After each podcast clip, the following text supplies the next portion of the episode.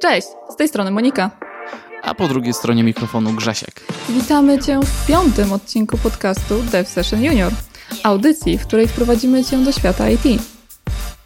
Tak, to już przez pięć odcinków wprowadzamy Cię e, do świata IT. E, w zeszłym odcinku rozmawialiśmy o procesie nauki programowania. Procesie? Tak, dobrze. Procesie nauki programowania. Trochę to słowo proces mi się tak, wiesz, skojarzyło już zbytnio komputerowo, ale sama nauka programowania to jest proces długofalowy, który na początku jest bardzo intensywny, potem troszkę mniej, ale przez całe bycie programistą będziesz się uczył czegoś nowego. Dokładnie tak. No dobrze, i na wstępie chcielibyśmy podziękować oczywiście za komentarze, polubienia, udostępnienia, za Wasze zgłoszenia się do mentorów oraz mentorom chcielibyśmy też podziękować za to, że się zgłosili i pomagają. I tutaj, jeśli pozwolisz, chciałabym coś od siebie dorzucić. Dawaj. e, więc sporo tak myślałam o tym mentoringu. I tak się składa, że do końca roku mam troszeczkę czasu wolnego. Więc jeżeli ktoś z Was byłby zainteresowany darmowym mentoringiem z mojej strony, to piszcie do mnie na LinkedInie, na Instagramie albo na Twitterze. I no, jednej osobie chciałabym pomóc i tak trochę podszkolić. Może być to osoba przebranżawiająca się, bo wydaje mi się, że to jest za bardzo dużym takim wyzwaniem e, wytłumaczenie komuś programowania dla kogoś, kto się przebranżawia, albo komuś, kto już programuje, tak? E, ja akurat programuję w PHP, więc to jest taka moja główna specjalizacja, w której się zajmuję, więc jeżeli ktoś by chciał, żeby się podszkolić w tym temacie, to zapraszam do kontaktu i postaram się znaczy się mam nadzieję, że się zgłosicie i że do tego końca roku coś tam w tym temacie porobimy. No, to ja, ja myślę, że to się szybko się rozejdzie. Słuchaj, takie jedno miejsce, to powinien takie oklaski w tle teraz zapuścić. Wow, no fajnie. Fajnie, naprawdę Monika, super sprawa.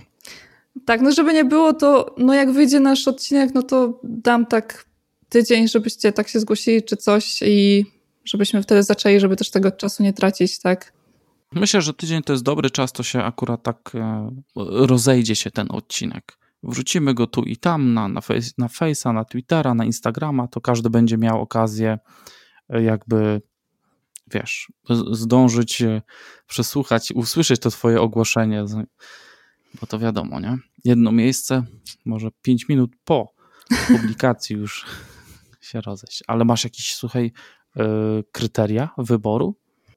Ja myślę, że na pewno muszą być przesłuchane pierwsze cztery odcinki podcastu. Znaczy się, e, fajnie by było, jakbyście się już zgłaszali, to napisali, z czym macie problem i w czym chcielibyście, e, żebym wam pomogła, tak? No bo jeżeli napiszecie, ej, chcę mentoring, no to tak, okej, okay, ale czym chciałbyś albo chciałabyś, żebym ci pomogła, tak? No bo jeżeli się okaże, że typowo, nie wiem, w Javie albo C++ albo C, no to tak mogłabym się nie czuć na końcu, do końca na siłach w tym temacie, jeżeli byście potrzebowali czegoś bardziej zaawansowanego niż same podstawy, bo tam podstawy podejrzewam, że myślę, że bym się dała jakoś wygryźć radę, chociaż, chociaż nie wiem, ciężko powiedzieć. Coś tam C++, jak pamiętam, kojarzy z szkoły, z technikum, ale no to wiadomo, jaki to był poziom. Ale no jeżeli ktoś by chciał się przebranżowić albo typowo w PHP, bardziej zaawansowany, no to zapraszam. Super. Monika, powiedz, y, jak mają się z Tobą skontaktować? Piszą na nasz adres podcastowy, kontakt? Albo tak, mogą albo na kontakt małpadevsession.pl, mogą też do mnie bezpośrednio napisać na y, Instagramie, na Twitterze albo na LinkedInie, bo na tych social mediach to jestem, mam to pod telefonem non-stop, także to jest takie najszybsze medium do mnie bezpośrednio. Zawsze w notatkach do odcinka waszej aplikacji podcastowej na dole jest taka sekcja prowadzący i tam są linki do nas. Można bardzo szybko się z nami skontaktować, więc krótka droga, Dokładnie żeby do nas tak. napisać. Więc jeśli ktoś jest chętny, no to zapraszam. No i tak jak w sumie wspomnieliśmy, e, jeśli chcecie się w ogóle z nami skontaktować w innej sprawie niż na przykład tego mentoringu, no to wiadomo kontakt małpa.devsession.pl, a jeżeli chcielibyście być na bieżąco, no to newsletter na pierwszapraca.it.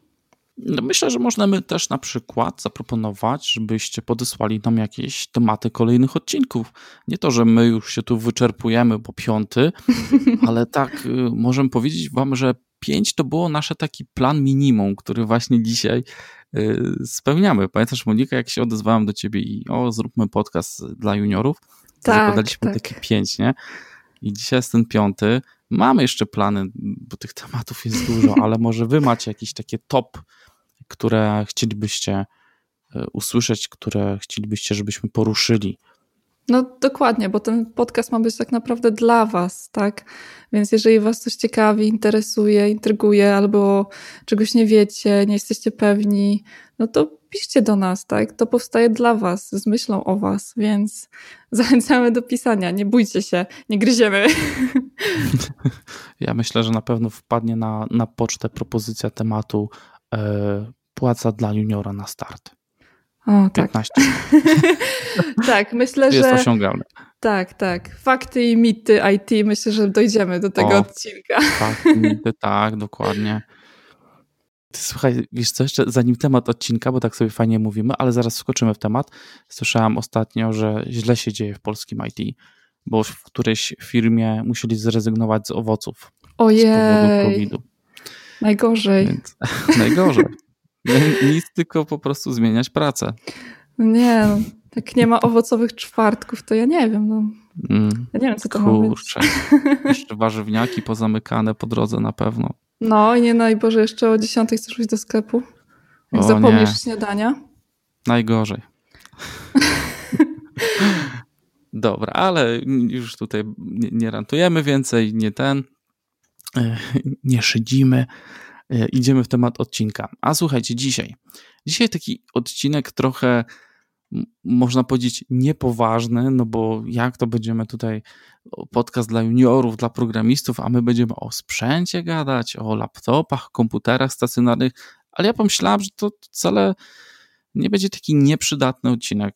Dlaczego? Ponieważ pytanie o sprzęt również bardzo często pojawia się na, na Facebooku, na grupach, na Discordach, a czy laptop, a jaki laptop, a po prostu debaty o monitorach, tego jest na pęczki, a, a jaki system operacyjny, więc yy, widzę, że ten temat yy, kręci i, i nęci i, i cały czas wam tam gdzieś przeszkadza.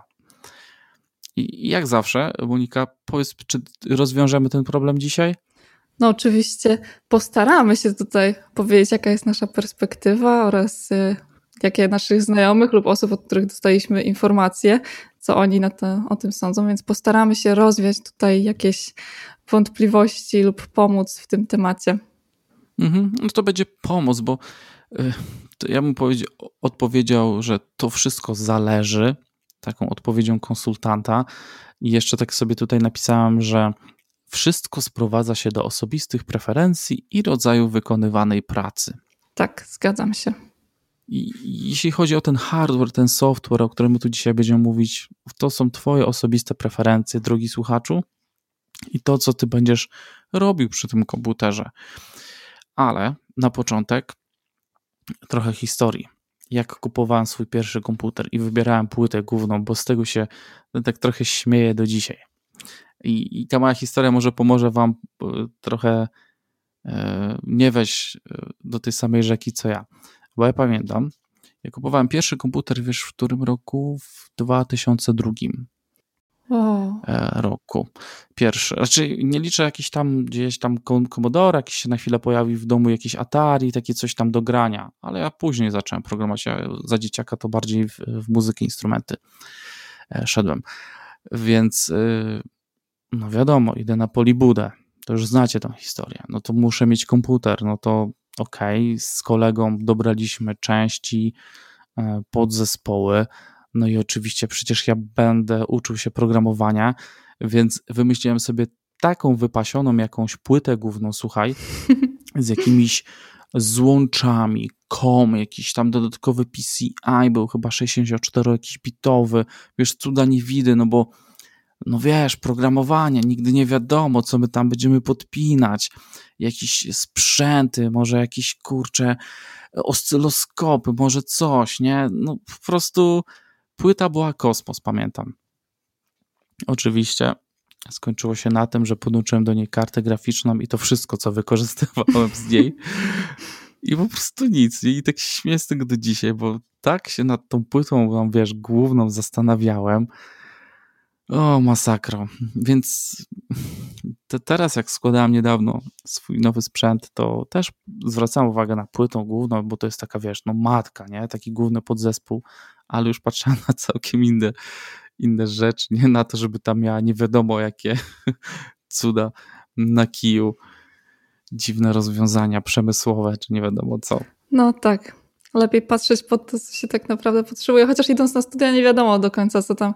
Przypomina mi się, e, jak mieliśmy na studiach Android Studio e, i musieliśmy zrobić Hello World. No, to było wyzwanie na moim prywatnym laptopie. Wtedy, tak, to jakoś no, dość długo się instalowało, już nie mówię o uruchamianiu tego. No, to było wyzwanie, tak. Mi się wydaje, że chyba emulator Androida to nie jest na, najlżejsza rzecz. Nie. Całe to Android Studio.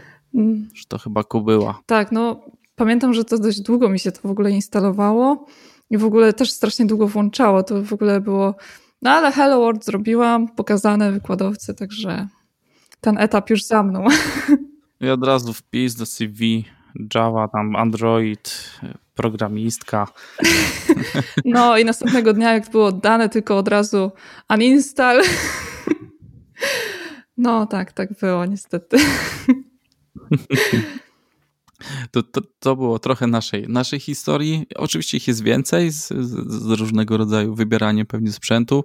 Chociaż powiem ci, że wiesz, w ostatnich e, latach ja tak totalnie wypadłem e, ze, ze sprzętu, z nadążaniem za procesorami, za tym, co się dzieje na rynku, nie miałem takiej potrzeby, bo miałem dostarczony sprzęt od firmy, więc to automatycznie jakby zwalnia cię z takiego trochę podążania za, za tym, co się dzieje, no bo masz sprzęt, działa, są inne problemy do rozwiązywania, nie? niż tam czytanie. I tak trochę wypadłem, y, nie za bardzo wiedziałem, co się dzieje. No, muszę przyznać, że mam podobnie. E, więc też właśnie mam od pracodawcy komputer, więc laptowy, e, laptop mój prywatny e, no, nie służy do takich aż rzeczy, jak w pracy potrzebuję. Więc y, no też nie jestem aż tak na bieżąco non-stop, a poza tym nawet te projekty, które robię, to nie są aż takie bardzo wymagające, tak, więc y, też nie potrzebuję jakiejś nie wiadomo super grafiki, tak, no bo nie robię nic za bardzo takiego graficznego, nawet frontu nie tykam za bardzo, więc to już w ogóle, tylko backend, e, więc czasami nawet mi to nie jest za bardzo potrzebne, jakaś tam nie wiadomo jaka grafika, więc y, no nie mam też aż jakichś takich bardzo dużych wymagań, więc mój komputer nie, muszą, nie musi być aż taką kosą, że tak powiem. A ty jesteś e, team Dell czy Lenovo?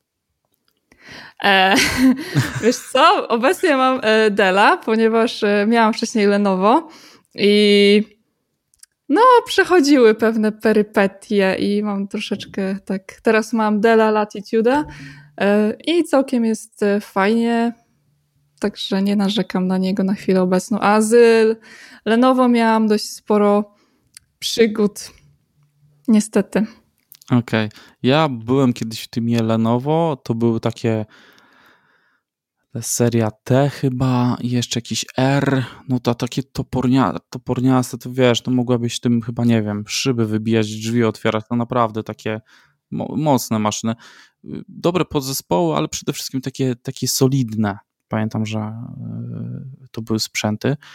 E, Dele też kilka dobrych lat na Delach przepracowałem i tam po prostu ta, te serie biznesowe to ja tam nie mam nic do zarzucenia za bardzo. Wiem, że w tych takich bardziej wyżyłowanych e, maszynach i jeszcze zminiaturyzowanych trochę ludzi tam narzeka na różne tam problemy, ale te właśnie serie Latitude i tak dalej to tak, seria Latitude jest całkiem fajna, porządna, więc tylko troszeczkę ciężka, bo mój laptop jest bardzo ciężki, więc jak nie muszę go przenosić, to niech sobie się stoi w miejscu najlepiej, bo no jest trochę taka kobyłka.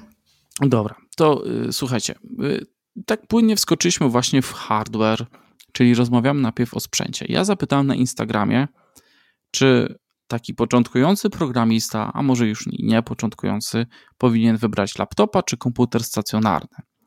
No i słuchajcie, wyniki ankiety są następujące. Muszę znaleźć to pytanie, dajcie mi sekundkę. Mhm. To było na to, więc tutaj jakby miażdżąco zwyciężył laptop, bo to było 24 głosy na laptop, 5 na stacjonarny na moim e, Insta, Instagramie. I, I co ty o tym myślisz, Monika? Czy ten laptop to rzeczywiście jest takie coś, co się sprawdzi zawsze i jest po prostu najlepszym rozwiązaniem tutaj? Wiesz co, tak jak mówiliśmy, wydaje mi się, że to zależy od tego, co tak naprawdę potrzebujemy. Bo jeżeli na przykład pracujemy z domu, tak? Wiemy, że ten sprzęt nie ruszamy, on stoi sobie ładnie w miejscu, no i potrzebujemy jakiejś tam fikuśnego w ogóle zestawu, e, jakiejś karty graficznej, e, płyty głównej i tak dalej. I żeby miało więcej na przykład urządzeń, można było podłączać i tak dalej, no to w tym przypadku wydaje mi się, że no, mm, komputer stacjonarny byłby możliwe, że lepszym rozwiązaniem, tak? Na przykład mam kolegę, który właśnie, że te właśnie podsystemy, podzespoły są tańsze, jeżeli, jeśli chodzi o komputer stacjonarny, no to wybrał do tego stacjonarkę, no, pracuje też z domu, więc y, dla niego lepsza się, lepiej się sprawdza stacjonarka. Ale no jeżeli nie mamy takich wymagań, że musi być nie wiadomo jaki tam sprzęt, ileś tam rzeczy albo x przejściówek pokupowanych i tak dalej, no to ja prywatnie też preferuję laptopa. Za laptopem na pewno y, przemawia ta mobilność, przenośność, więc ktoś jeśli tam powiedzmy się uczy jeszcze, chodzi na studia, no to bierze go pod pachę, y, wiadomo i nie musi tutaj nic kombinować. Są stacje dokujące. Można taki laptop y, sobie fajnie w domu trzymać na stacji dokującej i podłączyć zewnętrzne peryferia. Więc ja tak działałem właśnie, jak używałem firmowego laptopa trochę też w domu do prywatnych rzeczy, bo też wyszedłem z założenia, że nie potrzebuję komputera prywatnego, osobnego, bo ten firmowy y, spokojnie tam opędzi to, co ja tam sobie robię po godzinach nie? Y, ale aktualnie, słuchaj, pracuję na stacjonarce. No, dlatego, że po prostu jestem na swoim, pracuję zdalnie z domu i doszedłem do wniosku, że ten koszt, ten narzut tej mobilności właśnie w laptopie, wiesz, ta miniaturyzacja jest trochę za duża do tego, co ja aktualnie potrzebuję. No i poszedłem w stacjonarkę. No tak, dokładnie o tym, co mówiłam, tak? Jeżeli pracujemy w jednym miejscu cały czas, no i chcemy mieć ten rozwój tego sprzętu, no i właśnie koszty są też mniejsze, no bo wiadomo, to wszystko upchane w laptopie, no więcej nas wyjdzie niż w stacjonarce, z tego, co się orientowałam. E, więc e, w takich przypadkach tak. Ja na przykład teraz też mam, e, służbowy mam stacjonarkę, a prywatny mam laptop, chociaż w domu też mam taki zestaw, że mam laptop, który jest tylko podłączony i mam monitor, klawiaturę osobno, także tak praktycznie laptop sobie stoi i wszystko jest popodłączane do niego, tak, czyli też tak robi mi jako stacjonarka, chociaż lubię to, że jest mobilny i mogę na przykład też sobie gdzieś go wziąć po prostu, tak, czy na jakiś hackathon, czy w ogóle gdzieś pojechać, czy coś, to po prostu biorę torbę, wpakuję go i tak dalej. A teraz na przykład jak mam tą stacjonarkę służbową, to taki e, ciekawy fakt, jak teraz e, mamy te zmiany ze względu na COVID, bo tak normalnie mamy pracę w biurze, no to przenoszenie tej stacjonarki jest e, nie lada wyzwaniem, tak to ujmę, jak mamy te zmiany. E, więc no ta przenośność jest, e, no tutaj firma nie zakładała akurat, że będzie taka sytuacja z COVID-em, tak, więc e, no ta myśl pracy z biura była jednak, żeby ta stacjonarka jednak tam była, chociaż no teraz ze względu na sytuację, jak tutaj jest zmianowość, tak, no to jest lekkie mm, no, utrudnienie może być, tak to bym ujęła. No podejrzewam, że mi jakiś problem mógłby się pojawić, wiesz, gdybym e, teraz musiał, musiał ruszyć na przykład na jakąś konferencję, prelekcję, no i okej, okay, mam tylko stacjonarkę, nie mam laptopa, nie? No to co, no pendrive'a pod pachę i, i, i to wszystko.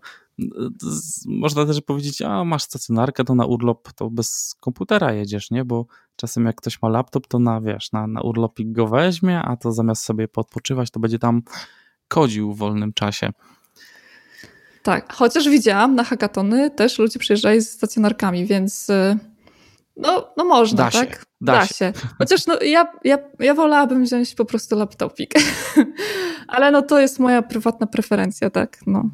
Ja bym tu jeszcze trochę zahaczył o, o ten sprzęt, o te bebechy, które mamy w środku. Bo wbrew pozorom, no to ma znaczenie. Szczególnie jeśli zaczynamy deweloperkę, programowanie takich troszkę cięższych rozwiązań. E, zacznę od dysku twardego. Tutaj według mnie w ogóle nie ma e, jakby już dyskusji, że ktoś weźmie dysk magnetyczny, taki wiesz, standardowy, bo ma dużą pojemność. Po prostu ja sobie nie wyobrażam powrotu do tych dysków, odkąd pojawiły się dyski SSD. Po prostu jak już miałbym na czymś przeoszczędzić, to nie wiem, może bym wziął troszkę słabszy procesor, ale po prostu dysk SSD, albo nawet teraz mam taki dysk M2 chyba, to się nazywa na złącze M2, po prostu takie kości pamię pamięci już prosto wpięte w płytę główną, nawet nie tam nigdzie na, na, na żadną satę, no to to jest według mnie takie top chyba one, na, na które bym zwrócił uwagę. Porządny dysk SSD z, dobrym, z dobrą prędkością i zapisu, i odczytu. Tak, tu się całkowicie zgadzam. Jak się przesiadłam na dysk SSD, to było takie wow. To jest, to jest w ogóle pierwsza rzecz, którą ja jakby, jak ktoś się pyta o zreaktywowanie troszkę starszego sprzętu, to ja mówię, no dobra, procka może w laptopie nie wymienisz, RAM ok, możesz dorzucić, ale nie wiem, czy masz wolne sloty, dawaj dysk SSD. Te stare magnetyki po prostu do kosza. Tak, no chyba, że ktoś przewiduje, nie wiem, cały czas rzucanie komputerem, to wtedy SSD może nie się nie sprawdzić aż tak. no, tym bardziej, że te ceny, to wiadomo, one spadają z roku na rok i dzisiaj jakiś taki SSD dysk 240 to jest chyba koszt max, może 300 zł, to też zależy od producenta i użytych kości, nie? Ale jak ktoś by składał taki komputer sobie, nie wiem, od zera, czy konfigurował laptopa, to tutaj naprawdę bym położył nacisk, żeby był ten dysk SSD jakiejś takiej fajnej pojemności, minimum 240 albo coś bliżej 500 e, giga. Bo wbrew pozorom w programowaniu jest dużo operacji, szczególnie w procesie, mm, no może w, nie wiem jak w, no w PHP może tego nie ma, ale na froncie, te wszystkie Node.js, ściąganie paczek, no tam cały czas jest napierdzielanie na dysk, cały czas jest zapis, odczyt, zapis, odczyt, nie? Tak samo tam, gdzie kompilujemy, robimy zmiany w kodzie, jest zapis pliku, jest kompilacja, budowanie, no to to jest nic innego jak odczytywanie i zapisywanie na dysk jakiś tego, tego pliku wyjściowego, nie? Więc to muszą być szybkie operacje. Takie mam na to spojrzenie. Drugą rzecz, na, na którą chciałbym zwrócić uwagę, to jest pamięć RAM. I ile masz pamięci RAM u siebie? 16. No, to jest takie to jest takie minimum. Chociaż dałoby się i na 12. No, podejrzewam, że hardkorowcy to tam byli na ósemce. Wiesz co, zależy też od projektu, mi się wydaje, bo na przykład jak prywatnie tutaj coś robię mm, w domu, to nawet nie zużywam ośmiu chyba. Mhm ale na przykład miałam jeden taki projekt y, w jednej z firm, gdzie mieliśmy bardzo dużą część bazy właśnie przechowywanej w Redisie. Ona była przeogromna i zajmowała z 12 giga. I teraz sobie wyobraź, że masz jeszcze idee otwarte, i coś jeszcze, to po prostu jak my chcieliśmy ten projekt uruchomić tak, żeby zobaczyć, czy faktycznie te wszystkie dane tam jakoś się przemielą, no, nie ukrywam, że to nie było najlepiej zarządzony projekt, jeśli chodzi o pamięć w Redisie, e, ale no i tak e, no, zajmował 12 giga RAMu ten projekcik, to no było ciężko. Chwilami, ogólnie ja miałam trochę więcej RAMu, bo ja miałam chyba, nie, czy 10, przepraszam, 10 giga zajmował. Ja miałam 16 giga RAMu i mi tam to tak w miarę jeszcze chodziło, ale no kolega miał 12 giga RAMu i musiał wyłączać ideę, żeby w ogóle to uruchomić i zobaczyć, czy wszystko działa. Więc to zależy też od projektu. Och, wiesz co, ja tak tylko dodam taką dygresję na boku, że jak widzę takie sytuacje, że ktoś musi wyłączać IDE, żeby odpalić, wiesz, jakiś projekt tak dalej, to od razu mi się taka lampka zapala, ile czasu ten programista traci, a ile kosztuje dodatkowa kość RAMu. I to jest po prostu temat w wielu firmach, nie? Nie można się doprosić o RAM dla programisty albo o dysk, tylko po prostu ten ktoś tam rzeźbi, właśnie rzeźbi, gdzie kość ramku kosztuje 300-400 zł, nie? A tylko teraz... Prze... No, tylko teraz weźmy jeszcze pod uwagę to, że nie zawsze możemy wymienić na większą, tak? No bo też zależy, jaki mamy laptop, tak? Też nie mamy czasami możliwości, bo jeżeli na przykład tam było maksimum właśnie tyle do włożenia, no to. A chociaż wydaje mi się, że tam ostatecznie jednak e, było dodane to 16, Mhm. Ale no to było jakoś już chyba po roku projektu, więc jak już tak... Już... Jak już przepalił 100 godzin. No, coś takiego. Średnia stawka, tam strzelam 5 dych, dobra, już tak lećmy, wiesz, jakimś, no, a, przepalił 5000 złotych. No, więc tak, no też właśnie nie tyle też co od pracy też zależy czasami właśnie od samego projektu, jak czasami nie jest to zbyt dobrze, e, no bo faktycznie dałoby się, wydaje mi się tak z perspektywy czasu lepiej to upchnąć, no to no czasami nawet projekt nam już może ubić nasze zasoby. Ja myślę, że taki, takie począt y, osoby początkujące, które wchodzą w to programowanie, e, raczej się nie zetną z Redisem, e, może nawet y, nie tkną jeszcze Dockera, Kubernetesa. I tutaj ten problem z, z pamięcią RAM się nie pojawi na, na początku. I myślę, że spokojnie takie 12-16 gigabajtów e, pamięci RAM pozwoliłoby na taką naprawdę swobodną pracę naprawdę swobodną, nie? E, Problemy właśnie się pojawiają, gdy idziemy w takie rozwiązania bardziej enterprise, gdzie mamy Redisy, jakieś duże cache, duże bazy danych, a może ktoś poszedł w data science i duże zbiory danych zaczyna obrabiać, e, to wtedy rzeczywiście ten RAM, ja mam 32, ale znam programistów, którzy nie wyobrażają sobie pracy bez 64. Wow. Po prostu oni odpalają, wiesz, 20 mikroserwisów, dokery, obrazy, to wszystko, wiesz, hula w pamięci i po prostu muszą mieć tyle. No tak, tak, jeżeli mamy dużo tych mikroserwisów, dokerów, tego wszystkiego, no to tak, to, to, to, to chce swoje. No chce swoje, albo pracują właśnie z jakimiś dużymi modelami danych i ładują na przykład, wiesz, takie modele po kilka gigabajtów do pamięci, nie? No coś tak właśnie jak z tym, podobny temat jak z tym Redisem. Tak, to wtedy tak. Tak, ale myślę, że na początku drogi waszej e, nie, nie trzeba tak szaleć, tak jak ja z tą moją płytą główną, tylko po prostu mówicie sobie spoko, 12, 16 to jest naprawdę już takie dobrze się na tym pracuje. E, jeśli chodzi o procesor, to tutaj nie jestem ekspertem. Powiem tylko tyle, że po latach pracy przesiadłem się na AMD Ryzen i to jest naprawdę fajna konstrukcja. Tak popatrzałem, co tam się dzieje w tych procesorach ostatnio, to jednak ten mm, stosunek jakby tego benchmarku, tej wydajności do ceny jest nadal na korzyść firmy AMD.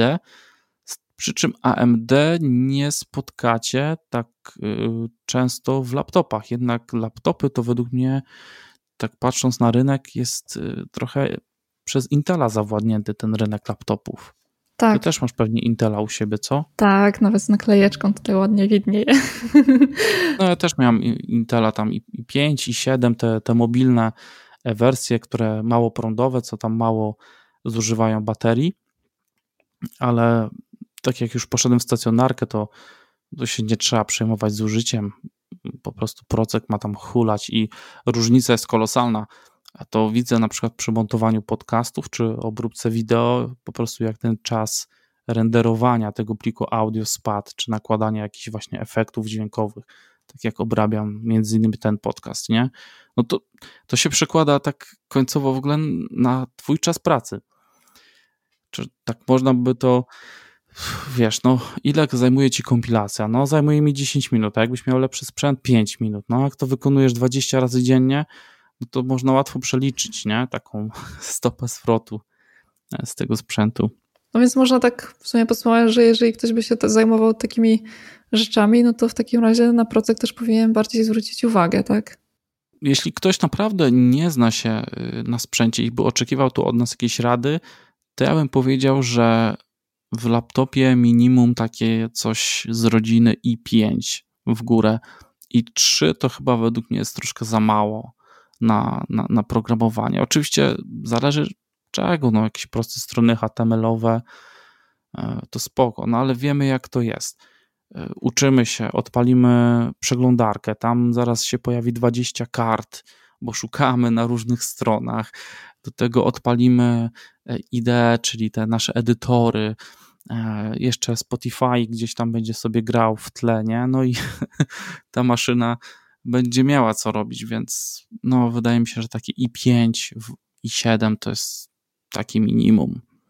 E, oczywiście ja tu mówię teraz o, trochę o, o, o, tych architekturach takich, wiesz, opartych o Intelu. My jeszcze w ogóle nie tknęliśmy e, Maców, które zaraz się pewnie gdzieś pojawią, bo cały czas mówimy o laptopie i tak możecie sobie myśleć, ok, Intel i tak dalej, AMD, ale jeszcze są Apple Maci e, jako sprzęty.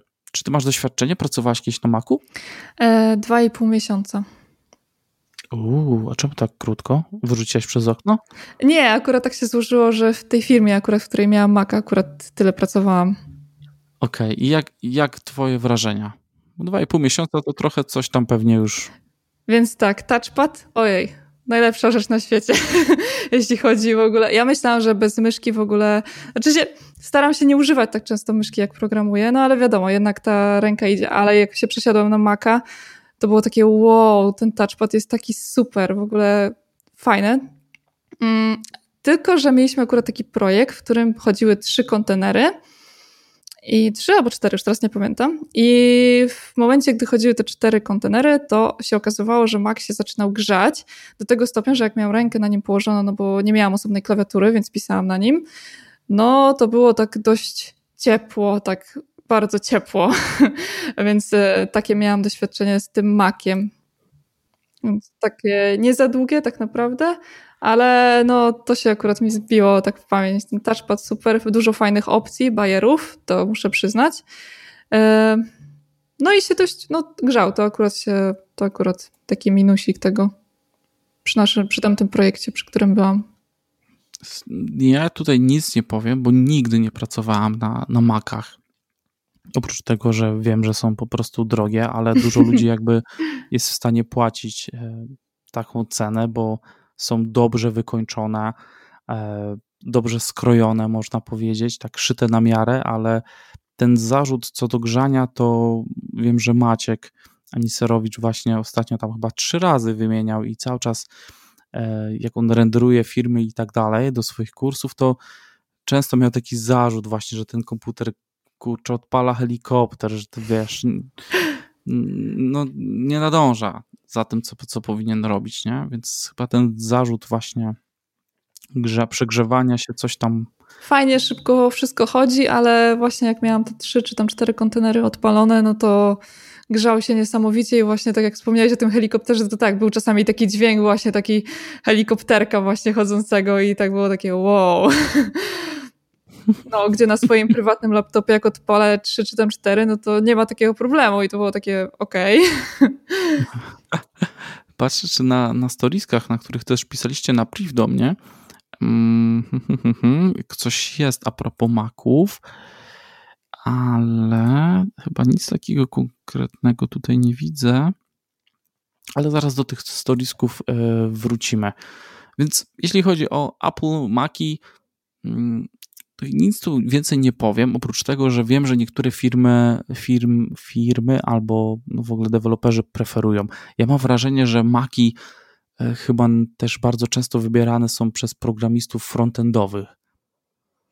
Że chyba oni tak też częściej idą e, w Maki. Te środowiska takie Node.js, Node Pythony. Wydaje mi się, że to też dlatego, że no w sumie macOSowi no w sumie ma ten terminal, no wiadomo, bliżej rodziny jakby Linuxowej. No to jest Unix-based system, nie? Ten Mac OS, więc... Więc e, jest takie bliższe przejście do tego, no wiadomo, jak tą stronkę, no to jednak takie bliższy kontakt chyba bardziej do tych Linuxów niż do tych Windowsów mi się wydaje, więc może z tego też to wynikać. Chyba tak. Chyba tak, zaraz będziemy opowiadać o systemach operacyjnych. E, ja bym chciał zamknąć jakoś tak temat tego hardware'u, właśnie tego podstawowego, czyli właśnie laptop stacjonarny. Hmm. Chyba bym poszedł jako początkujący jednak w, w laptopa, dobrał jakąś konfigurację i nie bawił się w budowanie stacjonarki od zera, tudzież kupowanie gotowego stacjonarnego komputera gdzieś tam z jakiegoś serwisu aukcyjnego. Myślę, że tutaj spokojnie ten rynek laptopów jest tam nasycony, jest w czym wybierać. I nie ma, nie ma co tam kombinować. No, tym bardziej, że tak jak mówiliśmy, nie? na samym początku nie ma też jakichś tam nie wiadomo jakich wymagań, tak? Żeby nie wiadomo jaki ten sprzęt był. No bo się w sumie uczymy, zaczynamy, tak? Dopiero jak później, jak już będziemy, to wtedy warto rozważyć coś innego. Tak, a i tak może się skończyć, że załadujesz fajny dysk, RAM, a po prostu pierwsze co to rozwalą ci się zawiasy od klapy, nie? No bo tak często jest w tych konsumenckich takich y, wersjach tych laptopów, tam gdzieś w okolicy chyba do 2000 zł, tak do 2,5, że tam po prostu gdzieś ten koszt musi pójść, nie robi się tyle testów, nikt tam nie daje tyle pary, dlatego uważam, że te Dele, po prostu ta seria Latitude, tam gdzie ceny są troszkę wyższe, się opłacają, ale powiem Ci jeszcze tylko i drodzy słuchacze, słuchajcie, te Dell Latitude, pomimo, że mają 4-5 lat, można nawet dostać polizingowe w fajnych, w dobrych, jeszcze w dobrym stanie. Tak, i tutaj potwierdzę, bo ja akurat kupiłam e, prawie 3 lata temu Della polizingowego i jeszcze go mam i właśnie teraz rozmawiam używając go. Ja ostatnio trzy takie jakby no, sprowadzałem, kupowałem. Jeden trochę przysłała ta firma taki lekko poobijany, ale bez problemu wymienili. I jakby te trzech użytkowników tych Deli jest zadowolonych, że to naprawdę fajne maszyny, także... Tak, a jeszcze w sumie jedną rzecz, którą chciałam od siebie dodać, na którą zwracałam uwagę, jeśli chodzi o wybór laptopa. Chociaż teraz jak e, częściej akurat jestem w domu, to akurat trochę mniej, ale jak na przykład gdzieś e, wyjeżdżam albo gdzieś go zabieram ze sobą, albo no czasami nie chce mi się siedzieć przy biurku, to fajną rzeczą jest to, że mam matowy ekran. Bo akurat jeszcze teraz w Macu mi się przypomniało, że mieliśmy taki bardzo odbijający ekran y, w tym monitorze. I no jak czasami pracowałam i zabierałam go gdzieś do domu, czy, czy jak, no to bardzo mi to przeszkadzało. No ale to takie moja też preferencja, nie? że to jest akurat coś, na co zwróciłam uwagę, że ten matowy ekran, no dla mnie to było coś po prostu super. No te błyszczące w, w, w makach to chyba nie są za fajne, tak mi się wydaje. Raczej nie spotkałem się u innych, znaczy dają, ale przeważają raczej matowe, szczególnie w delach to chyba raczej zawsze. No to akurat w tym Latitude jest fajne, że on jest taki fajny, super matowy, więc ja nawet jak na nim pracuję i nie, nie na monitorze tutaj, który mam w mieszkaniu, to mi się super fajnie pracuje na nim. Ale to tak tylko tak gwiazdeczka taka. Gwiazdeczka, bardzo ważna, bardzo istotna gwiazdeczka. E, I jeszcze bym powiedział, że nawet ta, ta miękkość klawiatury, Dell to ma, Mac to ma, fajnie się na tym pisze. Naprawdę się z tego fajnie, fajnie, fajnie po prostu się je użytkuje. Słuchaj, idziemy w temat software'u? Tak. Software'u. I tutaj chcielibyśmy na początek poruszyć temat systemów operacyjnych. Mamy chyba takie trzy główne wiodące. Z Windows, od Microsoftu. E, mamy takie systemy e, bazujące na jądrze Linux, na przykład Ubuntu, CentOS, Kali Linux. E, no i trzeci, o którym właśnie przed chwilą mówiliśmy, czyli od Apple'a macOS. macOS też bazuje na, to jest system operacyjny z rodziny Unix, czyli gdzieś tam, gdzieś tam troszkę, można powiedzieć, jest blisko Linuxa, ale nie może aż tak bardzo. I to są takie trzy systemy. No jeszcze kiedyś był Solaris, pamiętam, ale no i są pewnie jeszcze jakieś serwerowe od IBM-a, takie bardziej, do których nie spotkacie, to nie są systemy dla użytkowników końcowych. I tutaj już jest chyba trochę, bym powiedział, gorzej, jeśli chodzi o wybór. znaczy, w jednym przypadku jest łatwo. Jeśli ktoś pójdzie w, w Apple'a, bierze MacBooka, no to tak prosto z pudełka dostaje macOSa. No i po prostu sobie z niego jego używa. Chociaż wiem, że na, na Apple'ach, na MacBookach można też zainstalować Windowsa. Ale to już jest niezła jazda, ty kupić Apple'a, żeby zainstalować Windowsa i użytkować, nie? Tak, Windę. słyszałam jedną taką historię. Ale nie pamiętam, jak to tam się przyszło, tylko słyszałam już sam fakt, trochę mnie tak zaskoczył bardzo. Może ktoś miał jakieś specyficzne wymaganie, jakiś soft nie był na Maca, a potrzebował. Albo gra. Mm. Słuchaj, i teraz y, ja myślę, że to jest dobry moment, żeby przy, przytoczyć storiski od y, osób, które do mnie napisały. Co ty na to? No dajesz. Dobra, programista doświadczony pisze tak. Jestem dotentowcem, przesiadłem się na Linuxa na moim e, ThinkPadzie, to jest Lenovo sprzęt, jakieś pół roku temu. E, zalety dla początkującego programisty? Linux daje większe możliwości, jednocześnie wcale nie musi być trudniejszy niż Windows. Jeszcze mi się nie zdarzyło, żeby jakieś narzędzie nie było wypuszczone na Linuxa lub żeby nie było dobrego zamiennika. Linux jest lżejszy, czyli więcej zasobów dla mnie. Przegrywa na jednym polu w stosunku do Windowsa. Nie do wszystkiego są sterowniki. To jest bardzo fajnie tutaj tak według mnie opisane. Ja nie wiem, e, czy ty właśnie pracowałaś kiedyś na, na Unixach, na jakichś Linuxach? Ja obecnie pracuję na Linuxach. O, je, o Jezu, przecież mówiłeś o tym. Tak, obecnie pracujesz. Ja y, pracować nie pracowałem, ale dużo korzystałem y, i na studiach, i potem jeszcze w szkole policjalnej. I powiem ci, że potwierdzam to, że Linux daje takie dużo większe możliwości, jeśli chodzi o takie grzebanie, użytkowanie systemu. I ta wiedza z tego, z tego Linuxa, to co się tam nauczyłem, to zostaje po prostu na wiele, wiele lat. Wydaje mi się, że też to zależy w jakim języku programujemy, bo na przykład pod PHP dużo wygodniej się programuje no, na Linuxie moim zdaniem. No bo jednak te serwery stoją na tych Linuxach, tak, więc y, no musimy to posprawdzać na Linuxach. I no, wydaje mi się, że dużo łatwiej jest to na Linuxie wszystko zrobić. Jak ja na początku bardzo się wzbraniałam przed Linuxem, było takie, kojarzyłam tylko z techniką właśnie ten terminal, te wszystkie komendy, które musiałam zapamiętać. Bardzo mnie to zniechęciło w ogóle do Linuxa. I potem e, właśnie kolega w pracy mi pokazał, że Monika, spójrz, ale to jest Mint, tak? On jest cały taki graficzny, fajny i tylko konsolę masz po prostu terminal osobno, tak? Więc nie ma problemu.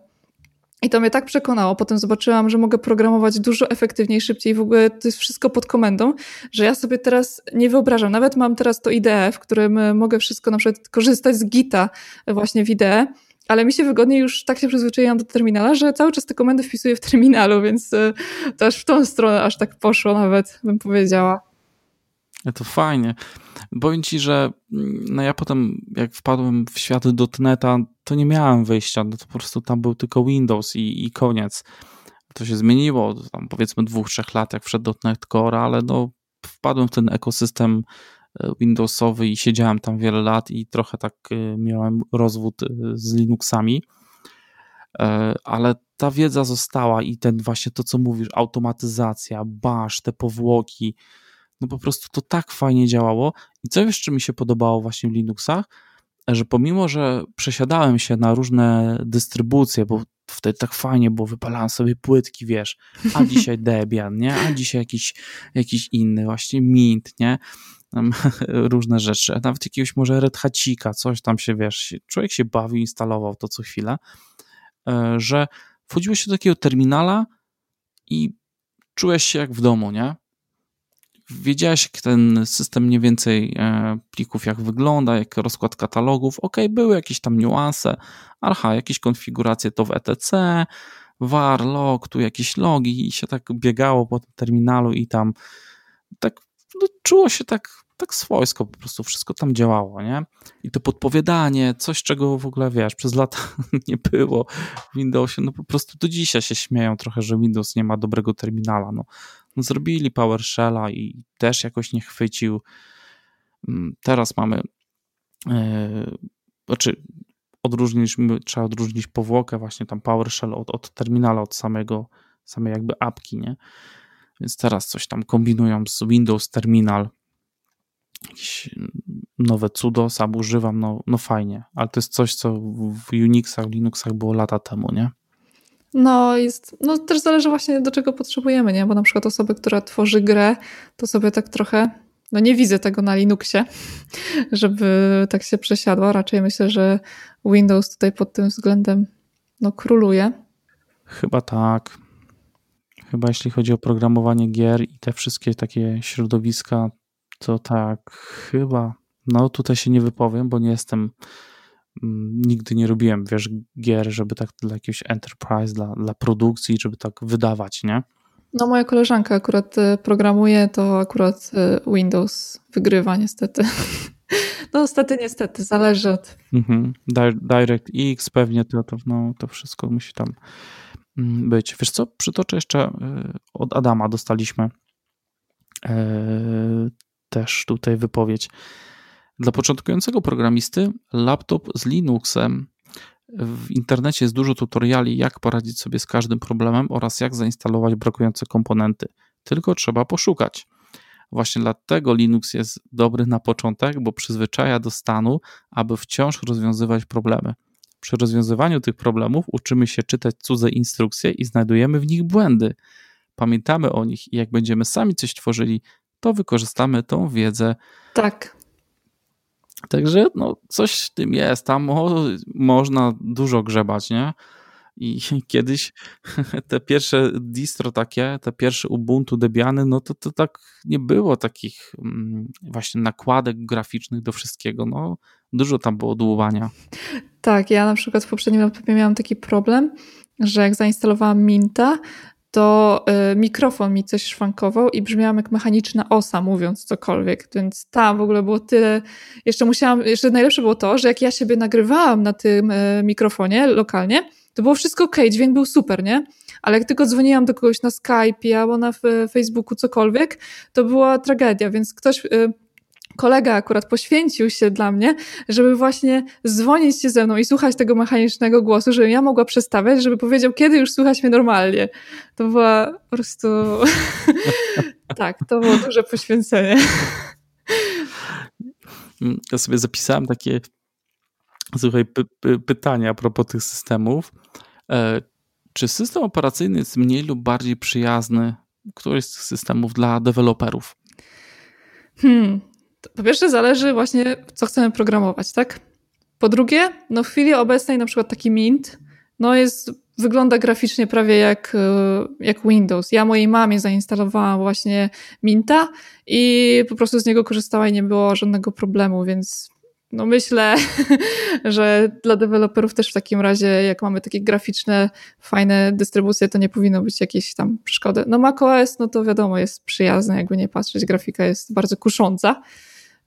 No ale no, to zależy po pierwsze, w czym programujemy, moim zdaniem.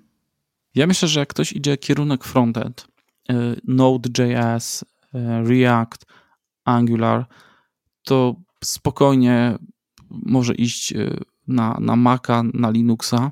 Tu nie będzie żadnych przeszkód, to jest po prostu by default, tak out of the box, skrojone na, też na tamte platformy i to wszystko będzie hulać. Ja mam wręcz czasem przekonanie, że to jest tak, y, wiesz, y, pierwotnie robione na, na Unixy, a dopiero potem mamy jakieś porty na Windowsy, nie? Że to po prostu tak działa. E, Python tak samo, no, Unixowe systemy, to jest, to jest naturalne środowisko Pythona. E, e, Ruby, tak samo PHP, to, to co właśnie wspomniałaś, bo to też wiąże się z tym, no właśnie, że serwery w większości na świecie, jakieś były takie statystyki, chodzą po prostu na systemach Unixowych. Unix-based system, nie? I to jest, tak, to jest takie naturalne środowiska, że rozwijając aplikacje serwerowe na serwery, no fajniej właśnie operować na takich systemach, które troszkę je przypominają, nie? Właśnie masz te powłoki, terminal i jesteś po prostu w tym w tym ekosystemie, a nie, że siedzisz coś na windzie, dłubiesz, a potem to i tak jest deployowane na, na Unixa, na takiego Node'a, czy tam gdzieś na Pythonie i wychodzą jakieś tam e, śmieszne rzeczy, nie? Na przykład. Tak, my mieliśmy właśnie taką jedną sytuację z jedną aplikacją. Mieliśmy jednego dewelopera, który pracował z Windowsem i u niego aplikacja niestety nie do końca działała, e, ponieważ były problemy z systemem plików, e, bo ścieżka, były tam cache jakiś w pliku, już nie pamiętam co to, e, o co dokładnie chodziło, ale kojarzy mi się, że to była właśnie jakaś cache i tych katalogów było strasznie dużo, strasznie dużo nazw i po prostu Windows w pewnym momencie nie ogarniał tego mm -hmm. projektu i cache'a. A... 264 znaki no. na długość w Windowsie. To samo miałam z Node'em. Po prostu myślałam, że mnie coś strzeli. O. No, bo tak jak początkujący programista, was też pewnie strzeli coś nieraz.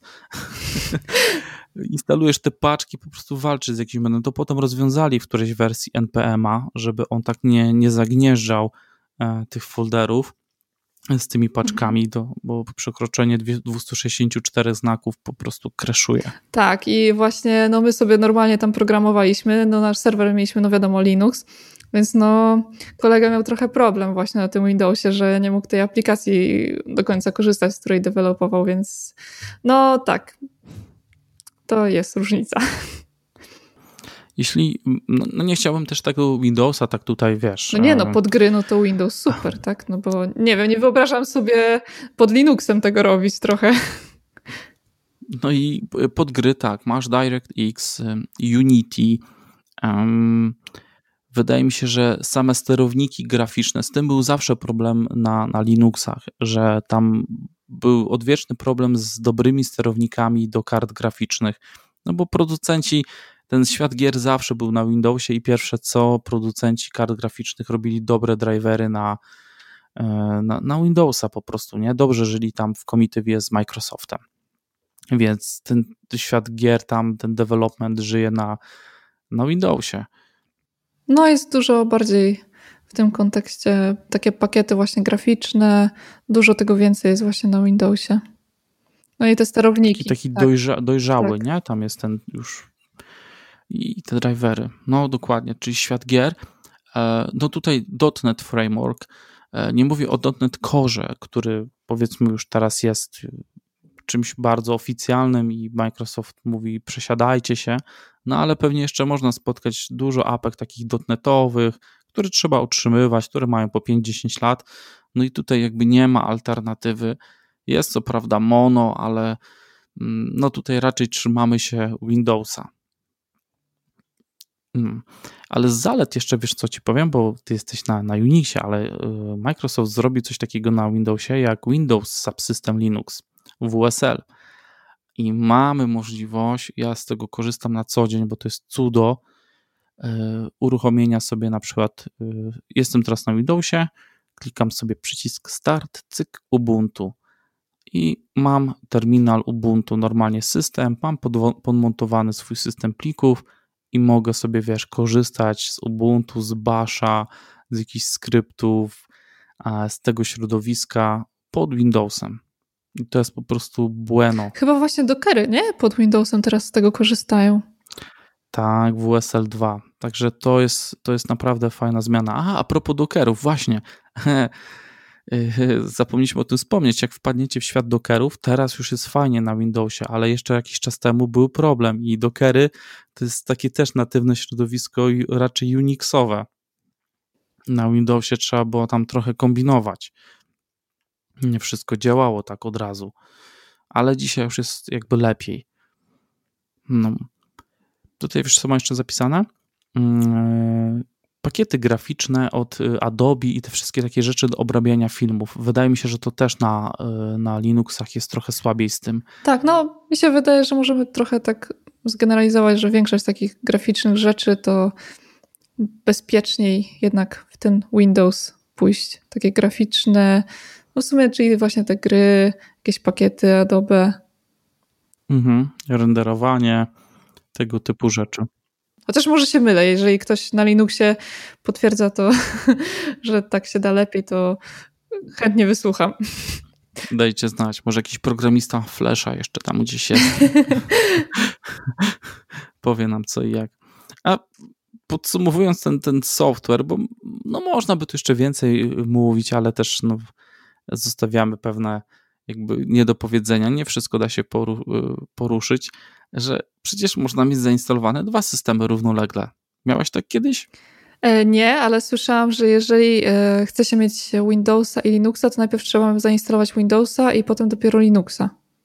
Czy, e, czy odwrotnie to był moment? Tak, tak zawsze było, bo inaczej kończyło się za przeproszeniem sraczką w postaci rozwalonego właśnie MBR-a i i bo się jakiś tam, wiesz, nadpisał sektor rozruchowy i nie wiadomo było skąd system operacyjny odpalić. I to jest po prostu, to było y, życie codzienne ludzi, którzy instalowali do systemu równolegle, że nagle im się gubił y, system operacyjny, płakali i trzeba było grzebać i naprawiać MBR-a i... No ja jak już to e, postawić maszynę wirtualną i w niej właśnie mieć tego Windowsa albo Linuxa, w zależności czy to jeszcze było przed moim przejściem na Linuxa, czy, czy już po, więc raczej wolałam mieć maszynę wirtualną niż właśnie, bo słyszałam o tych różnych problemach i tak wydawało mi się takim bezpieczniejszym rozwiązaniem. Były problemy, bo tam w tych czasach, kiedy ktoś miał jeden dysk twardy, to trzeba było go dzielić na partycje i tam nie pomylić tych partycji, a w Unixach, wiesz, no nie jest tak fajnie, jest napisane SDA, SDB i, już, wiesz, ty sobie myślisz, co to jest SDA, co to jest SDB, nie, nie mam pamięci, ja miałem system C, system D, jakiś tam pod Windowsem, wiesz, nie, literki C, D, E, a tu jest w ogóle inna nomenklatura i o co chodzi. Więc, e, ale można było, można było mieć dwa osobne dyski, różne kombinacje, no i przecież weszły wirtualne maszyny, potem virtual boxy, e, jakieś apki, można było odpalać właśnie też systemy z ISO. Nie działało to jakoś szybko, ale działało, nie? Więc tutaj opcji jest wiele, ale powiem ci, że chyba ja bym, jakbym dzisiaj zaczynał, to bym rzeczywiście też tak sobie wskoczył od razu albo na Maca, albo w Unixa, mając dotąd Core'a, to środowisko, bo jeśli chodzi o IDE, o te wszystkie narzędzia, o których zaraz przejdziemy, tak jeszcze pokrótce, to prawie na, na Unixa już też JetBrains bardzo dobre narzędzia przygotował. Nawet Microsoft z Visual Studio też już wyszedł na Maca z jakąś wersją. Ona jest trochę do tyłu od tej takiej natywnej na Windowsa, ale jest. No i Visual Studio Code, który po prostu teraz bryluje, jeśli chodzi o edytor, nie? Co, ja używam obecnie PHP Storma od JetBrainsa, więc e, Visual Studio nie używam w sumie nigdy. Tego koda, no ale JetBrains to po prostu tak mm, no, ma naprawdę solidne te narzędzia, nie? Wszystko tam bazuje na tym IntelliJ i to śmiga aż miło, można powiedzieć. To prawda. Idea od JetBrainsa jest bardzo pomocna w codziennej pracy ale też swoje ramu zabiera, więc e, to też dobrze pamiętać. Ale coś za coś, ale wtedy mniej mieli na dysku, nie? Trochę. E, chyba, że indeksuje pliki, tak, bo podpowiada na przykład jeśli chodzi o PHP, więc wtedy no, dysk SSD też tutaj e, no, jednak fajnie go mieć, bo no, szybciej jednak zaindeksuje i sobie będzie podpowiadał potem te klasy, co, gdzie i jak się z czym łączy, więc pod tym względem no, ten dysk może też mieć znaczenie. No to chyba największa bolączka właśnie z tych ide i dużych projektów, właśnie indeksowanie plików, jakieś analizatory, skanowanie, żeby to wszystko fajnie działało, podpowiadało to, co wy tam widzicie na tych różnych tutorialach, filmikach, że tu się coś podpowie, tam coś wyskoczy, tam się coś samo zrobi, no to potrzebne są zasoby do tego w postaci dobrego dysku i ramu i procka. Tak, ale w tym przypadku akurat jeśli chodzi o PHP, bo mm, pracowałam przy jednym takim projekcie, którym nawet e, JetBrains e, się trochę, że tak powiem, e, chwilami frizował. Ale no, ja wtedy akurat używałam Atoma, bo stwierdziłam, ok, jest lżejszy i nie, nie jeździ tak po dysku. No to Atom potrafił, jak próbowałam nawet spację dodać, to potrafił mi się wyłączyć nawet całkowicie. Więc e, to mimo przy tak dużym projekcie to JetBrains i tak był super, bo nawet jeśli się freezował, to się nie wyłączał, a Atom się po prostu crashował całkowicie. Ja tak pamiętam, że chyba ten edytor Atom tam ostatnio coś nie zasłynął, bo ktoś ładował chyba jakiś pojedynczy plik czy coś i on tam chyba 600 megabajtów y, pamięci RAM zżerał i to był jakiś w ogóle kolosalny wynik, a ten plik wcale nie był jakiś duży. Więc nie wiem, trochę pracowałem na Atomie, ale nie podszedł mi. Sublime był chyba płatny, więc w ogóle z niego nie korzystałem. Dzisiaj używam Visual Studio Code. E, no i po dobrych, dobrych wielu latach przesiadłem się z Visual Studio na e, Ridera od JetBrainsa. To jest, to jest dla mnie najlepsza przesiadka w moim życiu chyba programisty. Naprawdę za wiele lat straciłem na, na Visual Studio. No ale trochę to też było podyktowane jakby środowiskiem pracy, nie? Chociaż tutaj jeszcze tylko dodam taką jedną ciekawostkę. Mm, znam kilka osób, które używają Vima i mają tak go fajnie pokonfigurowanego, że też fajnie, super wszystko podpowiada, jakby się korzystało z PHP Storma, no tylko, że nie graficznie, tylko wszystko wiadomo skrótami i tak wiem tych ludzi, że tyle są w stanie to zapamiętać i tak dalej. I nawet e, byłam kiedyś na takiej prezentacji, to chyba było na PHPC w Pradze, gdzie właśnie e, było pokazane, ile czasu można zaoszczędzić, używając Vima zamiast takiego graficznego, e, nie przekładając, wiesz, rąk z klawiatury na myszkę. Więc to było takie ciekawe, to taka ciekawostka. Ale to już naprawdę, to już taki skill jest, więc takie wow.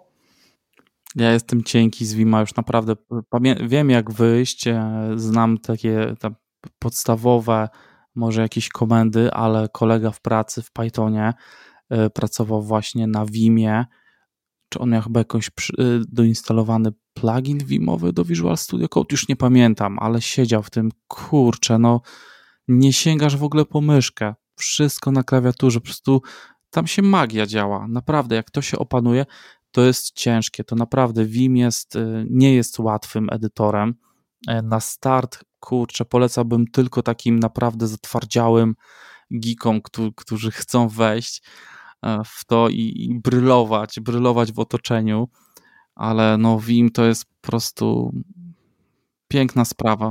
Ale tutaj jeszcze taka e, ciekawostka, no bo w momencie, gdy na przykład korzystamy z Linuxa, no bo mamy go na serwerze, jeśli chodzi o mm, PHP-owe aplikacje, no to w tym momencie, no tam zazwyczaj nie ma jakiejś innej aplikacji, więc jeżeli trzeba coś szybko zrobić na serwerze, no to tego Vima trzeba tam jakieś podstawowe komendy jednak poznać. Ale to jest taka naprawdę gwiazdeczka, taka jaka ciekawostka z tego odcinka, żebyście po prostu wiedzieli jako ciekawostkę, a nie tak jak tak jak mówimy, lepiej korzystać na początku z graficznych, żeby też nie mieć tego nakładu, tego wszystkiego, że jeszcze mimo, że poznajecie język, to jeszcze musimy poznać narzędzie, także to jako taka gwiazdeczka, ciekawostka. Ale to jest super gwiazdka, Monika, bo poruszyłaś właśnie ważną rzecz, że kiedy ktoś jest na początku drogi i my tu mówimy, słuchaj, Linux, Linux, idź, bo to jest super, bo jesteś bliżej serwerów i w ogóle jesteś kozakiem, bo poruszasz się po terminalu, no to też, żeby nie brać sobie za dużo na głowę, nie? bo chcemy się uczyć języka i tak dalej, a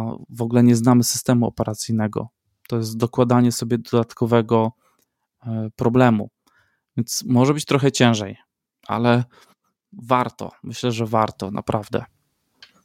Zawsze można iść tymi drobnymi krokami, tak? No, instalujemy sobie na przykład takiego Minta, który jest bardzo graficzny, na początku jakiś graficzny i powoli, tak? Na przykład na początku uczymy się jakichś podstawowych komend w terminalu robimy i potem dopiero przechodzimy do czegoś zaawansowanego, tak? Ja na przykład w ten sposób się zaczynałam oswajać z Linuxem. Więc może to też dla kogoś innego będzie dobra droga, żeby tak po kawałeczku, powoli, powoli, coraz więcej się przenosi na ten terminal, aż w końcu zobaczycie, że jest super. Że jest super.